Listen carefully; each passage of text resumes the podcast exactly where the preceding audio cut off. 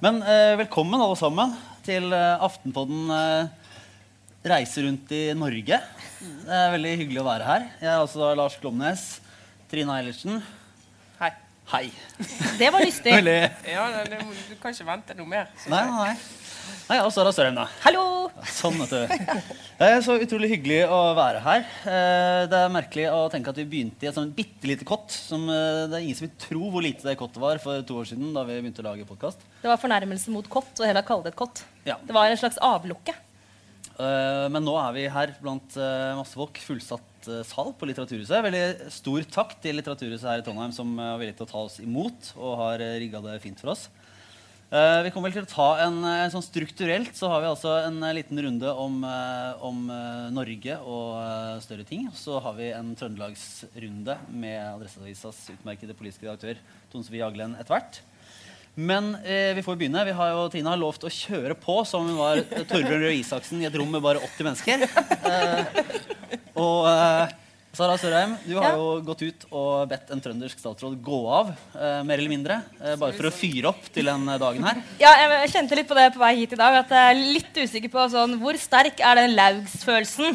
Er det sånn én for alle, alle for én eh, her? Eller er man litt mer sånn Er det, er det rom for flere Nei, nei, det var det ikke. Men vi møtte jo Gunnar Flikke, da, som eh, kunne fortelle at han var eh, dypt patriotisk og så mørkt på denne kritikken fra Sara. Så hun har allerede fått tilbakemelding. Ja. Men eh, vi får jo starte der, da. Eh, For det er jo ikke hver dag at, eh, at man kommer At det kommer en redaktør og sier at, eh, at det er en statsråd som ikke bør fortsette etter, etter valget. Kan du ikke bare utdype litt hvorfor du, hvorfor du mente at Linda Helland bør, bør skiftes ut som kulturminister? Nå er det også litt spesielt med oss som driver med kultur. For vi har liksom alltid, vi har liksom eh, våre egne sider i avisen, vi har vår egen statsråd. Vi har liksom vårt felt å puse med. Eh, mens politisk redaktør forholder seg til absolutt alle andre områder. Så har jeg som kulturredaktør liksom mitt felt. Det er kanskje grenser for hvor mye mitt, mitt, mitt når jeg liksom beveger meg over og sier sånn Og nå skal du slutte, og jeg vil heller ha deg. Så jeg er klar over at det ikke er min jobb. Men, eh, men eh, kulturfeltet er også sånn at eh, en god statsråd for kulturfeltet er en statsråd som klarer å kjempe for det bitte lille området som det jo er, inn i et regjeringskollegium med veldig mange andre hensyn å ta. Eh, og mitt poeng er at den eh, stats statsministeren, holdt jeg på å si nå, den kulturministeren vi har nå, Linda Hofstad Helleland, har når vi går gjennom den perioden hennes, ikke vært spesielt god. Eh, verken i å markere kultursaker internt Hun har ikke fått gjennom veldig mange saker i regjering. Og hun har heller ikke evna å sette kultur på dagsorden ute i den store offentlige samtalen. Og det, det er en rolle når du er kulturminister som krever en evne til å formulere um, holdt jeg på å si en visjon. Det er et ord jeg egentlig hater å si. Altså. Men du må, du, må, du må klare å uttrykke at du har den jobben for en grunn, at du ønsker å få til noe. Det syns jeg ikke hun har, eh, synes jeg ikke hun har gjort i det hele tatt. Men egentlig. du, har jo, eh, du får jo da rask kritikk for at du går eh, opposisjonens ærend. Men du har jo sammenlignet denne med Toril Vidvei, den forrige kulturministeren fra Høyre. Ja, for jeg er også opptatt av... Som alle ja. andre mente gjorde en dårlig jobb. Hun, hun er kjempeflink. Gjorde en kjempebra jobb som kulturminister. Eh, ikke veldig god på å liksom, pugge navn på samtidskomponister. Og litt dårlig på å huske sånn Hva var din forrige kulturopplevelse? Og det er litt sånn, ærlig talt, det må man bare Man bare ljuge man Man må bare ljuge. Jeg ljuger masse om det. Jeg sier sånn Nei, jeg er utrolig glad at det nye operahuset fungerer så bra. Det er eh, sto, alltid en stor opplevelse å gå dit. Jeg har liksom vært der én gang. Man må bare, man må bare liksom få inn det der Det er stammespråk man bare må lære seg. Det er ikke noe vanskelig. Eh, det, det, burde Vidvei ha gjort. Eh, hun burde ikke sagt sånn Husker ikke hva jeg gjorde. altså Se på rådgiveren sin og få hjelp til å huske navnet på en norsk film. Men det der, og, liksom, og det er sånn, Da ler vi godt i liksom, Det var dumt svart. Men poenget er at det betyr egentlig ingenting. Akkurat de greiene der. Eh, Toril Vidvei er en dyktig politiker. Eh, eller var, da. Eh, i politikken så hadde hun mange års erfaring før hun ble kulturminister, og det brukte hun som bare det. Så vidt jeg forstår, så var det veldig veldig sjelden hun tok inn saker i kollegiet som hun ikke allerede visste at hun kom til å, få gjennom. Hun tapte ikke noen saker. altså Hun hadde et, eh, som statsråd et nært forhold til Erna Solberg. Eh, visste veldig veldig godt hva som var hennes rammer, og fremsto med masse selvtillit og autoritet i rollen. Og da fikk hun også gjennom en del ting. Når du først da er litt sånn eh, verdensmester på dette her, Uh, hvem er det som uh, hvem, hvem burde ta over, da? Helt Jeg, uavhengig jeg kunne gjort den jobben selv, selvfølgelig. Det hadde vært eh, ikke, ikke noe problem. Siden forrige kulturredaktøren i Aftenposten ble statssekretær, så tenker jeg da Jeg må jo toppe det.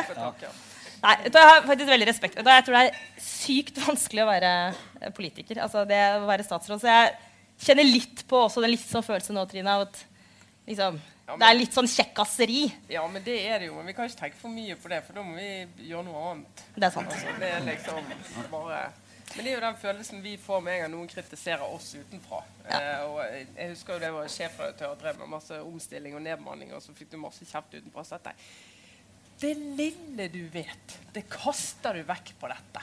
tenkte jeg da, sånn annenhver dag. Det gjør man jo når man sitter der sjøl og tenker at gud hjelpe meg. Man forstår Liv Signe Navarsete. Vi vet ikke hva du snakker om. Jeg har veldig sympati med Liv Signe Navarsete, for hun hadde jo helt rett. Så tenkte jeg, ja, så ble hun litt sint, da. Eh, Ganske sint.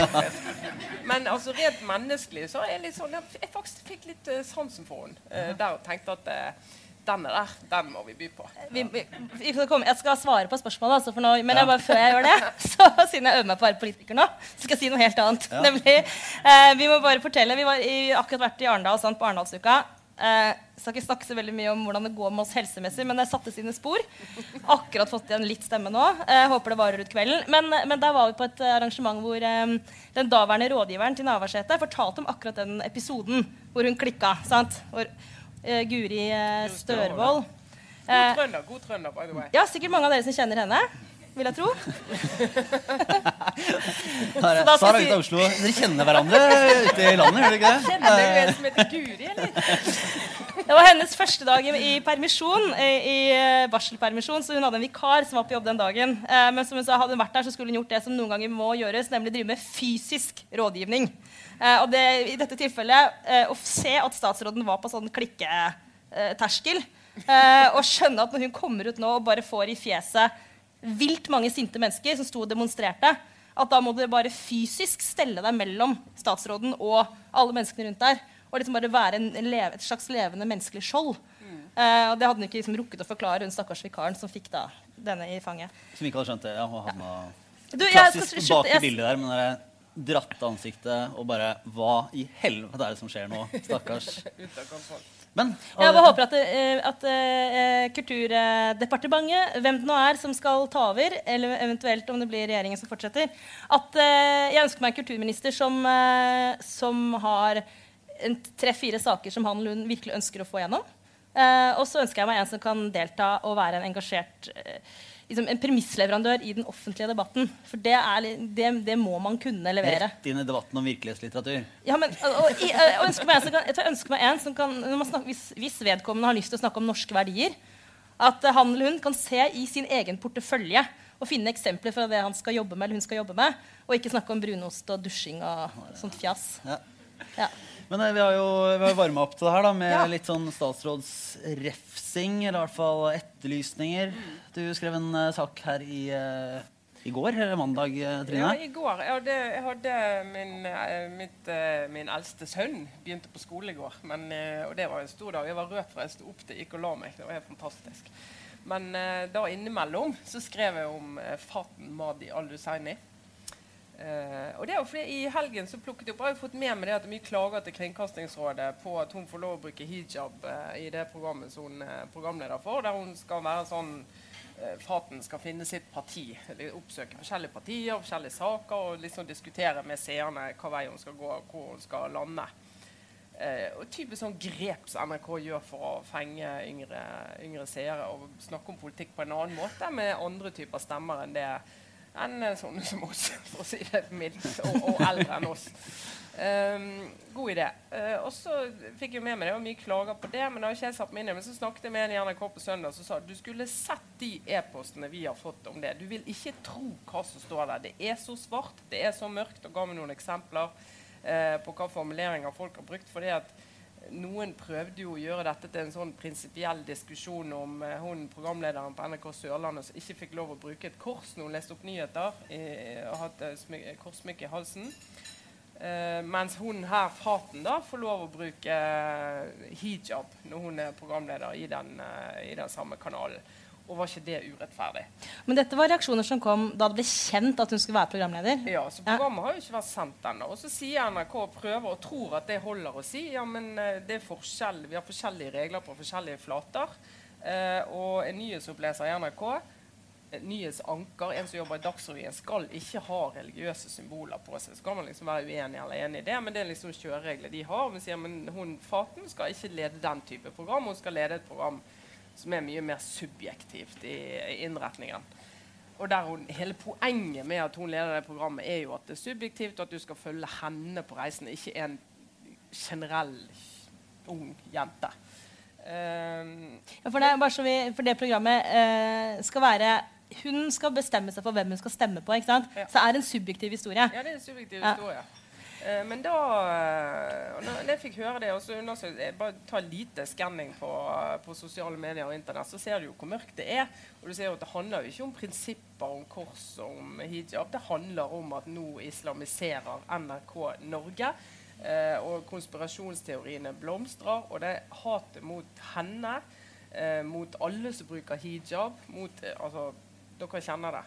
Eh, jo, at jeg eh, skrev om det, og, og etterlyste egentlig integreringsministeren. Og sier altså hvis du er integreringsminister Altså ikke næringsminister, du er ikke kulturminister, du er ikke statsminister for den saks skyld Uh, så burde du kanskje ha en mening om en sak der NRK sier, faktisk kringkastingssjefen sier at dette er noe av det verste jeg har opplevd. Og så mange klager har vi ikke fått før. Det som var rart, var at Tor Gjermund Eriksen som, som kringkastingssjef er jo egentlig han er, han er, veldig profesjonell og sjelden egentlig tydelig sånn, på meninger og saker. Hans jobb er å jobbe bak kulissene for å sørge for at NRK beholder sine sykt gode rammevilkår. Eh, og det er han innmari god til. Men han, han, jeg vet, fordi jeg har jobbet med han og, og, kjenner jo litt til han, at han også har, han er en veldig engasjert type. Uh, og, kan, og, og, er, og, er, følsom og kan liksom la seg rive med. Og jeg har ofte tenkt at jeg er litt imponert over hvor sjelden han viser den siden i offentligheten. Men i denne saken var han ganske sånn Ja, det er oppriktig opprørt. Ja, jeg synes han, han, sa mye mer altså Han var virkelig sånn forbanna når han fortalte om de reaksjonene. Det var ja, interessant han, å se. Vi trodde jo da vi hadde Sana i Skam, uh, for da fikk de veldig, altså relativt få reaksjoner på det. Men færre enn de hadde ventet, egentlig. Eh, så trodde vi at ok, nå har vi kommet et stykke der vi tåler å se en uh, norsk kvinne med hijab uh, på TV.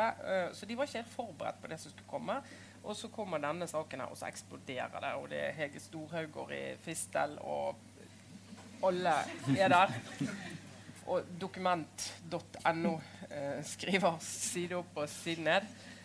og det er i hvert fall på et sånt nivå at jeg mener at hvis du er integreringsminister i Norge, så må du gå ut og, og, og ytre deg om det. Så jeg etterlyste egentlig det. Og så svarte hun jo. Ja, hun gjorde jo det. Det var jo nesten Nesten litt det,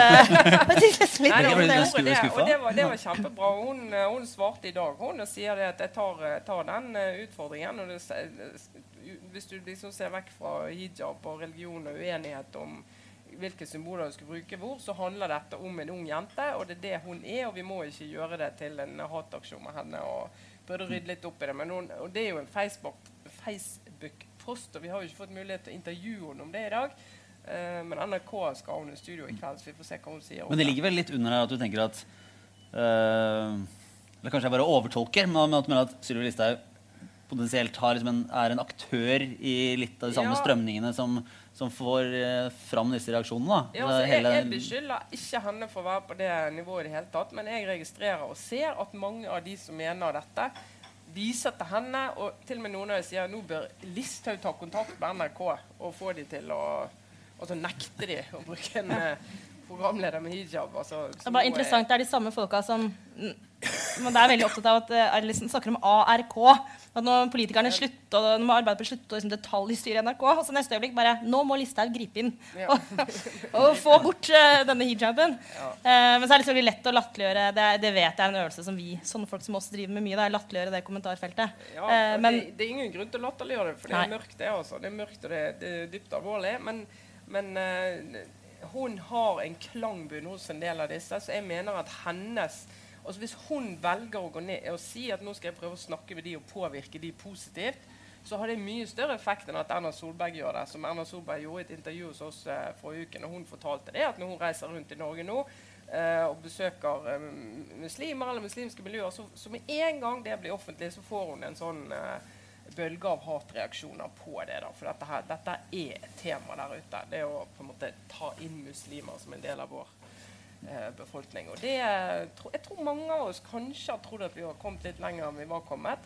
Samtidig som noen påpeker det er jo mange av de samme. vi hører fra. Eh, jeg så jo det, jeg skannet e-postboksen min i dag, så var ganske mørk. Eh, og det er jo Hvor, hvor lang tid, hvor lang tid tok det fra du la ut den saken på nett til du fikk første post? Ja, det var litt fascinerende. Jeg visste i går kveld så, så jeg fulgte med på eh, når den ble lagt ut. Og så trodde jeg ikke han var lagt ut. Og så hadde jeg fått en e-post om den saken der det sto eh, Nå er du òg med på islamiseringen av Norge. Så tenkte jeg ja, men i stor all Jeg har ikke skrevet en verden, sak engang!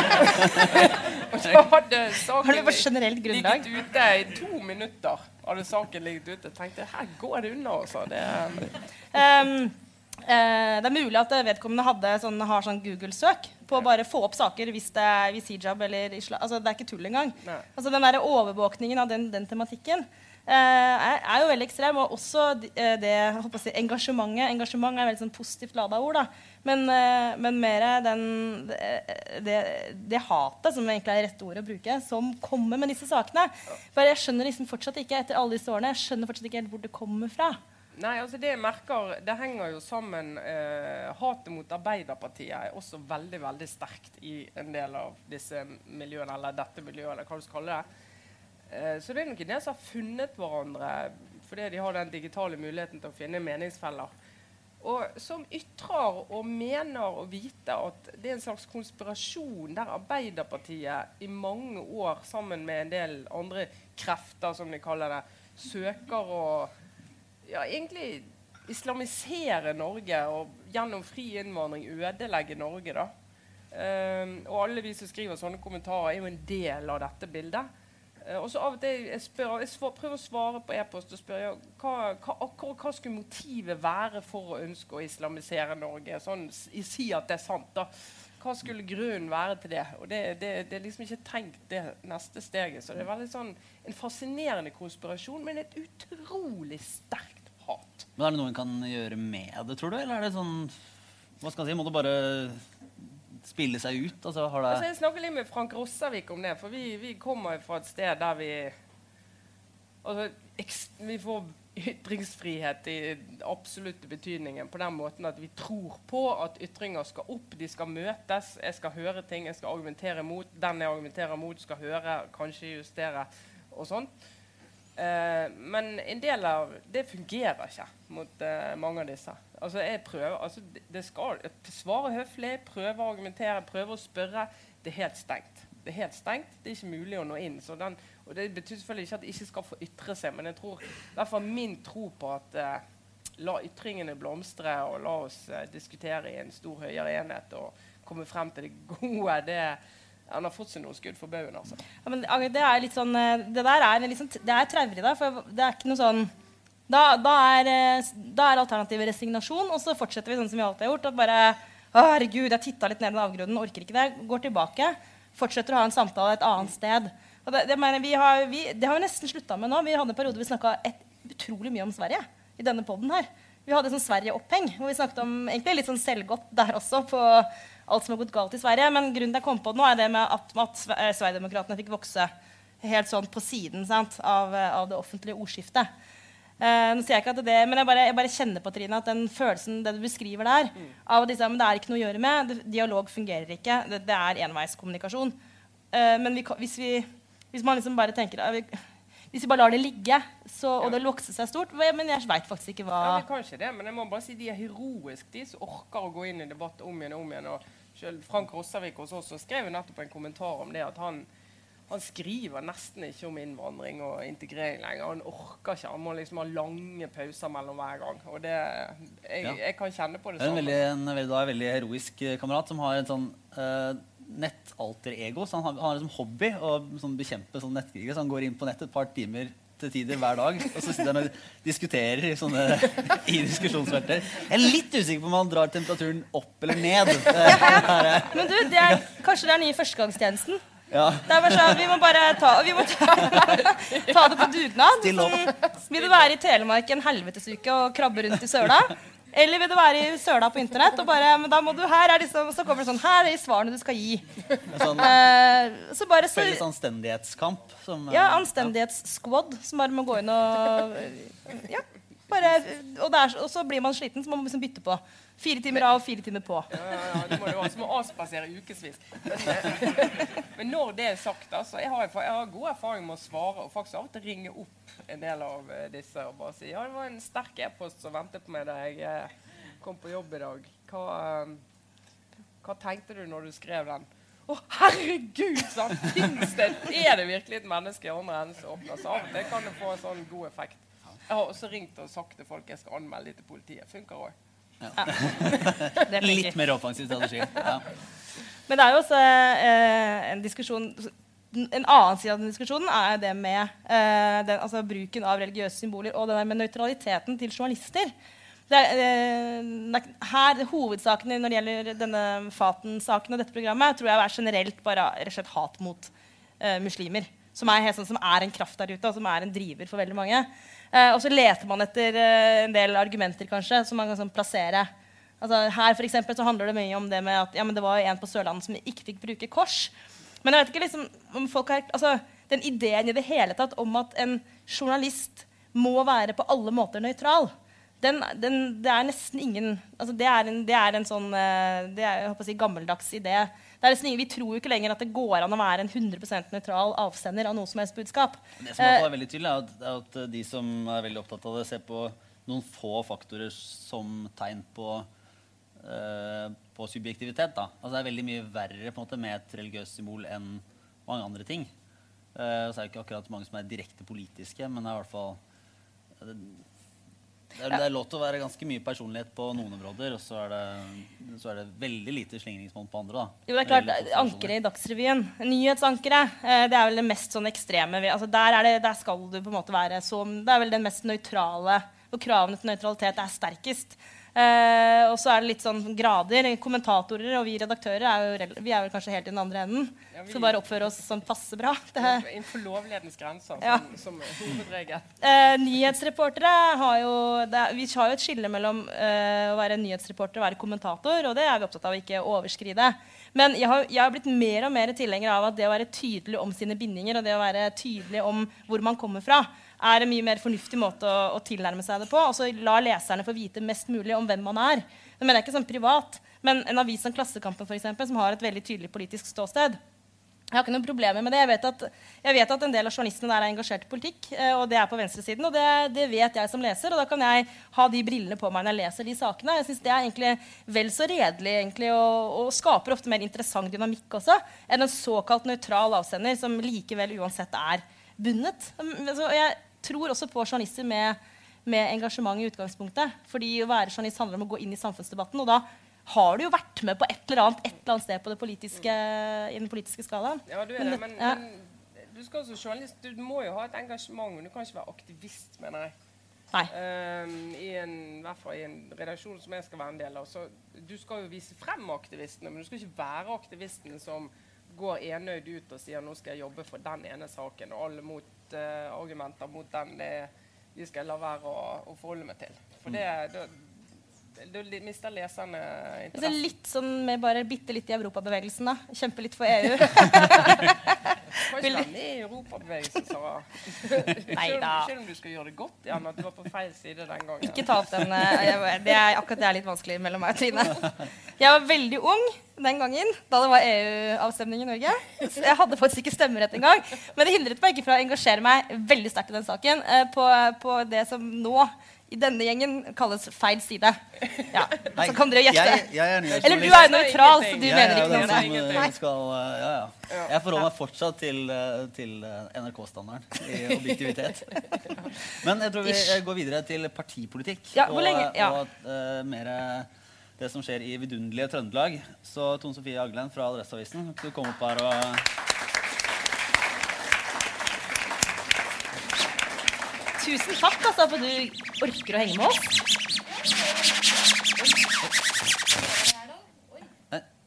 Er vi på en liten, Det var en utrolig Liten scratch. Eh.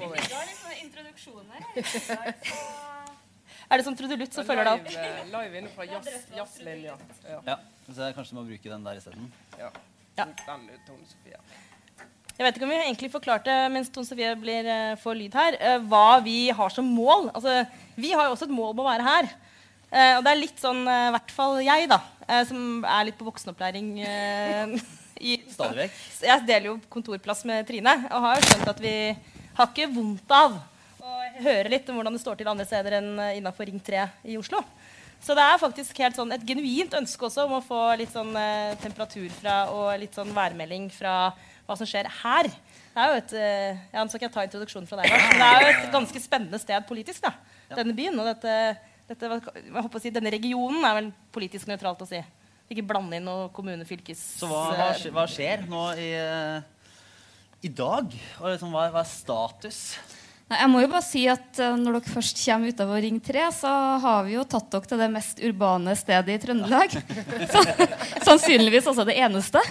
Nye litteraturhuset. Overgang for Sara. Nei, jeg tenkte kanskje jeg skulle begynne litt med det som har vært valgkampens eh, kanskje store sak. Veldig overraskende distriktspolitikken. Eh, Det er jo kanskje en gang hvert tiende år at det får så mye oppmerksomhet som det har fått nå i den lange valgkampen. Og det syns jeg er fryktelig artig.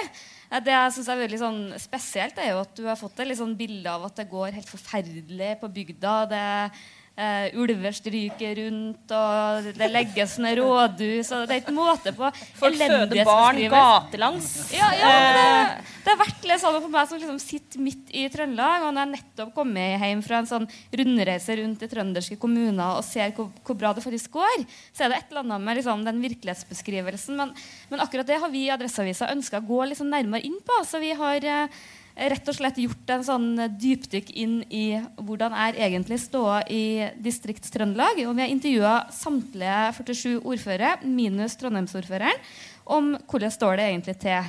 Har det blitt verre, likedan eller bedre i kommunen din de siste fire årene? Da kan dere jo gjette hva svaret er. Det kommer jo an på, altså det an på de, hvor nasjonalt og hvor lokalt de tenker. Det er vel få ordførere som egentlig vil si at nei, i kommunen min så har det gått mye verre de siste fire årene, i og med at de sitter og har ansvaret for sin kommune. Du er inne på noe der. Det ligger liksom ikke eh, sånn, eh, Men, men skal vi tro eh, altså retorikken og ordskiftet, så ser det jo mørkt ut, altså. Har gått mye verre. Ja, det gjør det. Og det som er litt sånn interessant å se altså må du selvfølgelig, Jeg har jo aldri møtt en ordfører som nedsnakker sin egen kommune. Men uh, veldig stor andel, jeg tror 77% av alle ordførerne sier at det faktisk går bedre. Og så ser vi også det at ganske mange er positive til reform. Det er i hvert fall et mye mer nyansert bilde enn det, enn det kanskje Senterpartiet og delvis også Arbeiderpartiet og KrF har gitt bilde av. Og jeg synes jo Det er interessant, og jeg tror også at det hadde blitt en mye bedre distriktsdebatt dersom vi hadde hatt litt mer rom for at det er ulike ting som fungerer. Og I tillegg da, så kom det jo en annen undersøkelse i dag som viser at folk flest faktisk er positivt fornøyd med hjemplassen sin, hvordan det går, uavhengig av hvor de bor. Og så viser det også at uh, til og med folk i, i byene ønsker at det skal være spredt bosetting. Og det er jo litt sånn der, eh, Den urbane eliten som ser ned på folk på bygda, den er kanskje litt oppskrytt. Det slår jo inn i, i eh, et, ja, eller kanskje selve hovedtemaet, i hvert fall så langt i valgkampen, eh, som er denne eh, litt abstrakte, men likevel altså den, den, den by-land-diskusjonen og den diskusjonen om utenforskapet og eh, mistro mot elitene, som man kobler ofte opp mot byene, og den helt, uh, altså helt tydelige Senterparti-veksten som vi har sett. at det er liksom det er veldig lett å ha en ganske unyansert debatt basert på akkurat det. Eh, hvor man tror at Norge er delt i to nå. Eh, og at det er liksom misnøye på bygda og hovering i byen. Eh, det er bare Hvordan tas et sånt oppslag imot i f.eks. Senterpartikretsen? Nei, Jeg tror jo ikke at Senterpartiet egentlig blir lei seg. For det, det eneste som er viktig for dem, er jo at distrikt er et tema. Ikke at De har sin fanklubb uansett. Så liksom det eneste Senterpartiet tjener på, er jo at det er et tema. Jeg tror ikke det er sånn at å nei, det går visst bra på bygda, vi må liksom legge om retorikken. sånn er det nok ikke, da. Men jeg syns det er et interessant oppslag, og det harmonerer i hvert fall mye mer med det bildet jeg har av hvordan det går i Norge. Og det betyr jo ikke at det ikke er problemer. Akuttberedskap er jo f.eks. et veldig vanskelig tema, men, men det tror jeg ville vært vanskelig uansett hvordan man har organisert det. Men er det sånn at eh, er det er den sentraliseringsdebatten altså Hvis du skal dra hjem nå de, de som er de største og mest avgjørende politiske skillelinjene nå da, i, i Trondheim og Trøndelag, hva er det som eh, tegner seg? Er den sentraliseringsdebatten så eh, Er den avgjørende tror du, for, for hvordan folk vil, vil stemme om noen få uker? Det er jeg litt mer usikker på. Jeg tror at uh, Trøndelag er ganske sånn uh, stabilt politisk. Uh, Ikke bare ganske. Altså, det er helt ekstremt utrolig okay, stabilt. Litt kjedelig. ja, nei, jeg kunne jo ønska at jeg kunne sagt at det er i Trøndelag det skjer, og valget avgjøres her. Jeg tror dessverre at at det meste er egentlig ganske avgjort. Folk har en tendens til å stemme Arbeiderpartiet eller Senterpartiet hvis de er litt mer borgerlig orientert og litt mer glad i bygda. Og så vet vi jo for at I Nord-Trøndelag så er jo alle mandatene mer eller mindre satt. Det blir to til Arbeiderpartiet, det blir én til Senterpartiet og kanskje én til Høyre. Uh, I verste fall så tar Ap eller Senterpartiet det òg. Liksom, og av hensyn til meningsmangfoldet så får vi vel bare håpe at det kommer inn én borgerlig derfra.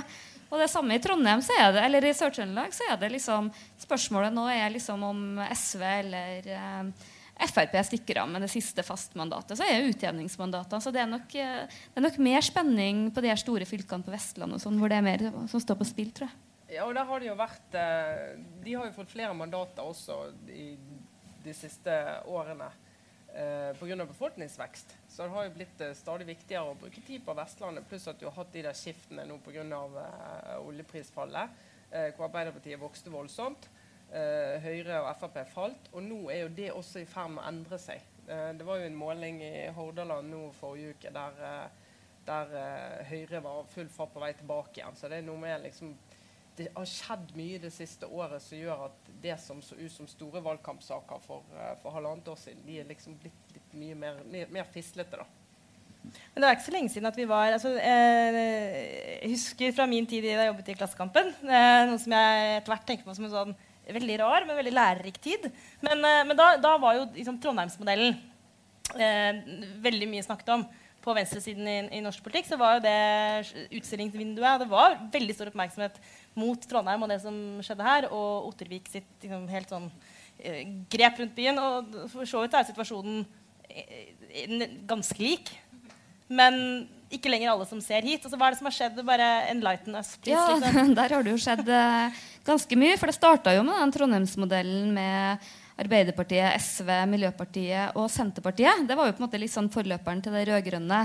Så gikk det jo et par valg, og så fikk det jo KrF inn i varmen. Eh, så gikk det enda et valg, og da kom like gjerne Venstre og Pensjonistpartiet inn i varmen. Pensjonistpartiet som består av to Frp-avhoppere for øvrig, så det er ganske interessant.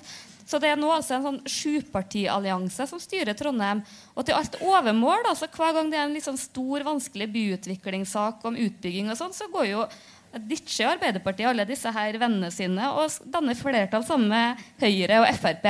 Så det, har jo liksom, det som en gang var et veldig sånn tydelig sånn rød-grønt prosjekt, har liksom blitt en sånn svær materie som man på en måte finner et eller annet løsning fra, fra sak til sak. Og vi så jo at um, SV-nestleder Snorre Valen var jo ute og, og slakta liksom, det rød-grønne utstillingsvinduet og sier på en måte at det er ikke interessant lenger. Og jeg tror dessverre at han har veldig rett.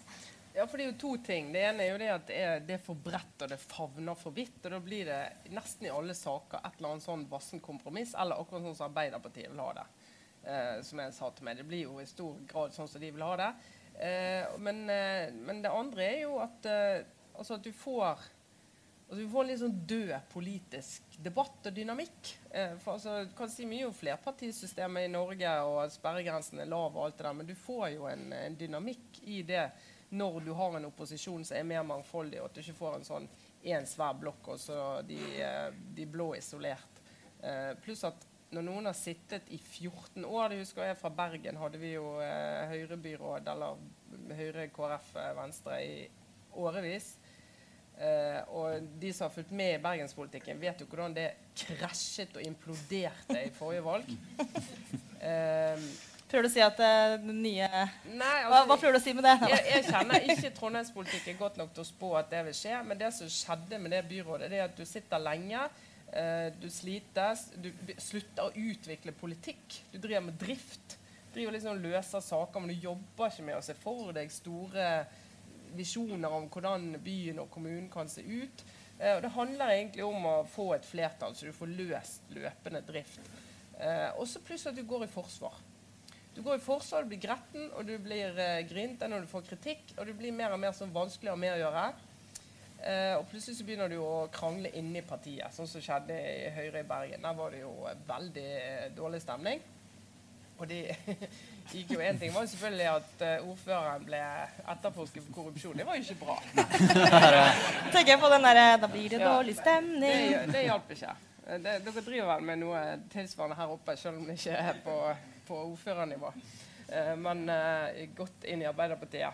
Eh, men, men, da, men da får du et skifte som var veldig sunt for Bergen. Og da fikk du den modellen som Arbeiderpartiet i Oslo nå peker på. Det er jo bergensmodellen med Arbeiderpartiet, Venstre og KrF.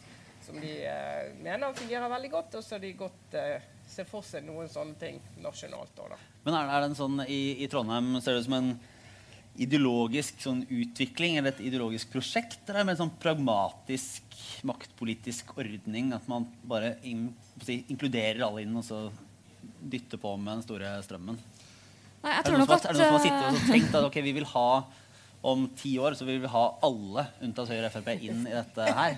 Eller er det Det nye må vel være at de også skal inn. Jeg har jo spekulert på om det blir det neste egentlig, prosjektet til Rita Ottevik. Men nei, det er jo nettopp det som er litt sånn problemet. At det, det er veldig vanskelig å se at det er et ideologisk prosjekt. Det virker på meg som man er mest opptatt av å på en måte holde Høyre og Frp på litt sånn bekvem avstand og, og få et så bredt flertall som overhodet mulig. Og det er jo sånn, Der har man også gitt fra seg en mulighet at man kunne ha kjørt en, en veldig rød by. Hvis man har liksom valgt å, å samarbeide mot uh, Venstre. Eller man kunne fått en veldig grønn by. Kunne fått eh, flertall alene med Miljøpartiet og Senterpartiet f.eks. Eller man kunne ha valgt en sentrumsmodell. For Arbeiderpartiet har jo nesten rent flertall alene. Men det er liksom veldig sånn mangel på den, liksom, den store visjonen. Og det tror jeg er noe som skjer når man holder på veldig lenge. og liksom, Her blir det liksom same procedure hvert eneste år da, har gjort det før. Og så er det en utfordring når det blir en så fattig opposisjon. For det, nå må det jo også sies da at eh, til alt overmål så er jo Høyre i Trøndelag er jo også litt sånn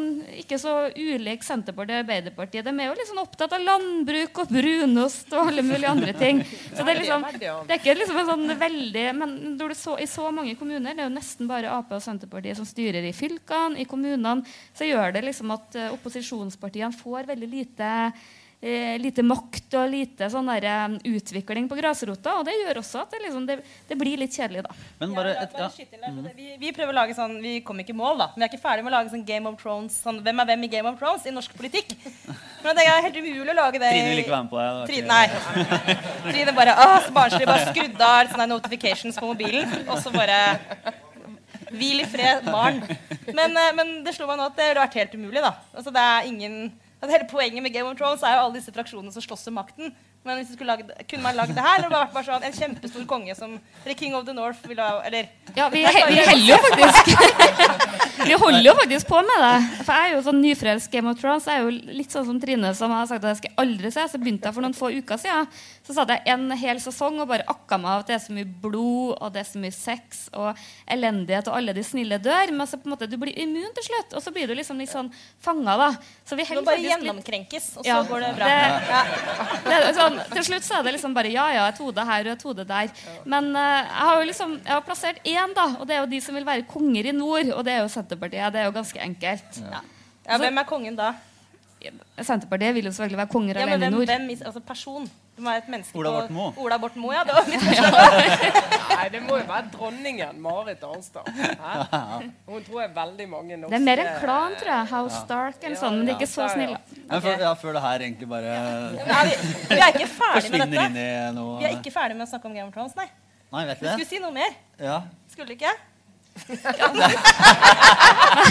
Jo, men man er jo litt hårsår i Trøndelag, da. Jeg, jeg tror på en måte liksom, det dere sa innledningsvis om kulturministeren og sånn, jeg tror det var noen i salen her som var litt småfornærma uten å nevne navn. Så liksom, jeg er litt sånn redd for at de liksom bare Jeg vet jo utmerket godt hvem jeg har sett ut som Littlefinger, han der luringen, Ja. som er liksom enig med alle, men jeg vet ikke om jeg helt tør å si det, da. Ja, Tone Sofie, den kommentaren må du skrive. Det er pålegg, pålegg. Har. Men eh, det var egentlig Ok, bare på, av, av nysgjerrighet om trondheimspolitikken, så er det og det høres jo virkelig sånn ut som det er litt sånn som i, i Bergen og, og sånn som det ikke har vært i Oslo. I Oslo så har jo folk rømt fra, eh, fra en måte, storbypolitikken. Det er ingen som har giddet å være i Oslo-politikken. Da sitter igjen bare sånn, de som ikke kom opp i regjeringsapparatet. da. Eh, I lange perioder. eh, Kritikerne har sagt det, da. Jeg er bare Du er bare, ja, du er bare nøytral formidler. Ja. Ja. Men uh, mens i Bergen så har det vært en, sånn, en prestisje og en sånn, har hatt roller som har gitt uh, gjort det verdt å bare å forbli i bypolitikken. Så, så egentlig lurer jeg på av interesse, for jeg ikke har noe klart bilde selv. Hva, hvordan er det i Trondheim? Eh, altså Rita Ottervik har jo holdt seg her. Men er det, er det nok måte, Fungerer det som et eget system, eller er det Eller er det sånn forskole til eh, regjeringsmakt? Ja. Liksom? Ja, det vil jeg vel si at Trondheim og Trøndelag har vært. Jeg fikk jo en eh, tekstmelding av min gode kollega i BT i dag, Frøy Gudbrandsen, som var litt sånn fortvila over mangelen på eh, rød-grønne stats statsråder fra Hordaland. Og lurte på hvordan er det i Trøndelag fra Arbeiderpartiet og Senterpartiet. Og det er jo lett å komme med ei liste herfra. Eh, men vi har jo også klart å levere opptil flere trønderske Høyre-statsråder. Så, så det har vært en ganske god rekrutteringsarena. Og særlig i Senterpartiet kan du sikkert plukke ut mange aktuelle statsrådkandidater. Og det tror jeg er mulig i Arbeiderpartiet òg. Og så er det jo f.eks. én i Arbeiderpartiet herfra som jo har vært og, eh, Som på en måte aldri gir seg. Så det blir jo liksom altså, har Og det er jo selve gudfaren i trøndersk politikk. For det er jo på en måte Du kan si det er mye småkonger i Arbeiderpartiet. Er det det? For nå skal vi jo slå sammen to fylker. Og da er det jo ganske mange sånn fylkesordføreren i nord og i sør som på en måte kjemper om den makta. Men det er jo på en måte én person som liksom har all makt, og som alle hører på, som styrer, og det er jo Trond Giske. Hvordan ser du hans posisjon nå? Nei, Det er jo veldig spennende. Jeg, jeg synes jo at uh, han er, en, uh, han er jo kanskje Arbeiderpartiets uh, dyktigste politiker. Sånn utrolig debattsterk og strategisk. Og han er jo fryktelig imponerende. Og jeg, jeg tror nok at for han sin posisjon i partiet så er nok det her også et skjebnevalg dersom Jonas Gahr Støre ikke lykkes og ikke blir statsminister. For da tror jeg nok at det her er litt sånn Trond Giskes store mulighet til å bli partileder hvis han ønsker det. For ja, jeg tror nå er det ikke så veldig mange. det. Vi ja. Vi er litt tar her. Men eh, Får, liksom, får jeg tror at om noen år så vil Arbeiderpartiet kanskje få opp langt flere. Men jeg klarer ikke å se veldig mange sånn åpenbare arvtakere i Ap nå. Så, så han er nok en eh, I den grad man skal beskylde folk for å ha ulike agendaer, så tror jeg nok at eh, ja, han kan nok leve med alle utfall. Men, ja. Det var veldig diplomatisk. Det var pent sagt. Men han, er jo, han var jo en splittende figur i Arbeiderpartiet. Eh, som hadde, eh, og, og har en veldig veldig sterk base. Men han er jo ikke så splittende som han var. Eh, vi blir jo alle rundere i kanten med årene. Eh, og etter EU-saken er vi jo kommet over, de fleste av oss. Men eh, jeg lurte egentlig på om vi skal eh, Var det noe hadde vi, vi brant inne med nå? Eller om vi skulle tillate et gode publikum å, eh, komme med noen spørsmål? Etter at vi liksom runder av det som er selve podkastdelen av dette. Eh, rett og slett. Nå vil vi bare takke våre lyttere da, før vi går videre til, til salen. De Ja. som hører på oss. eh, De som skal få godt, godt betalt for at de har, eh, har For at de har betalt. Ja. Nei, altså for at de, de som har vært med oss eh, helt til nå. Ja. Eh, som, som hører på oss eh, på ørepropper. Så podkastmessig takk takker vi for oss. Det er det jeg mener. Og så kommer vi tilbake på torsdag. Ja. Eh, takk for oss.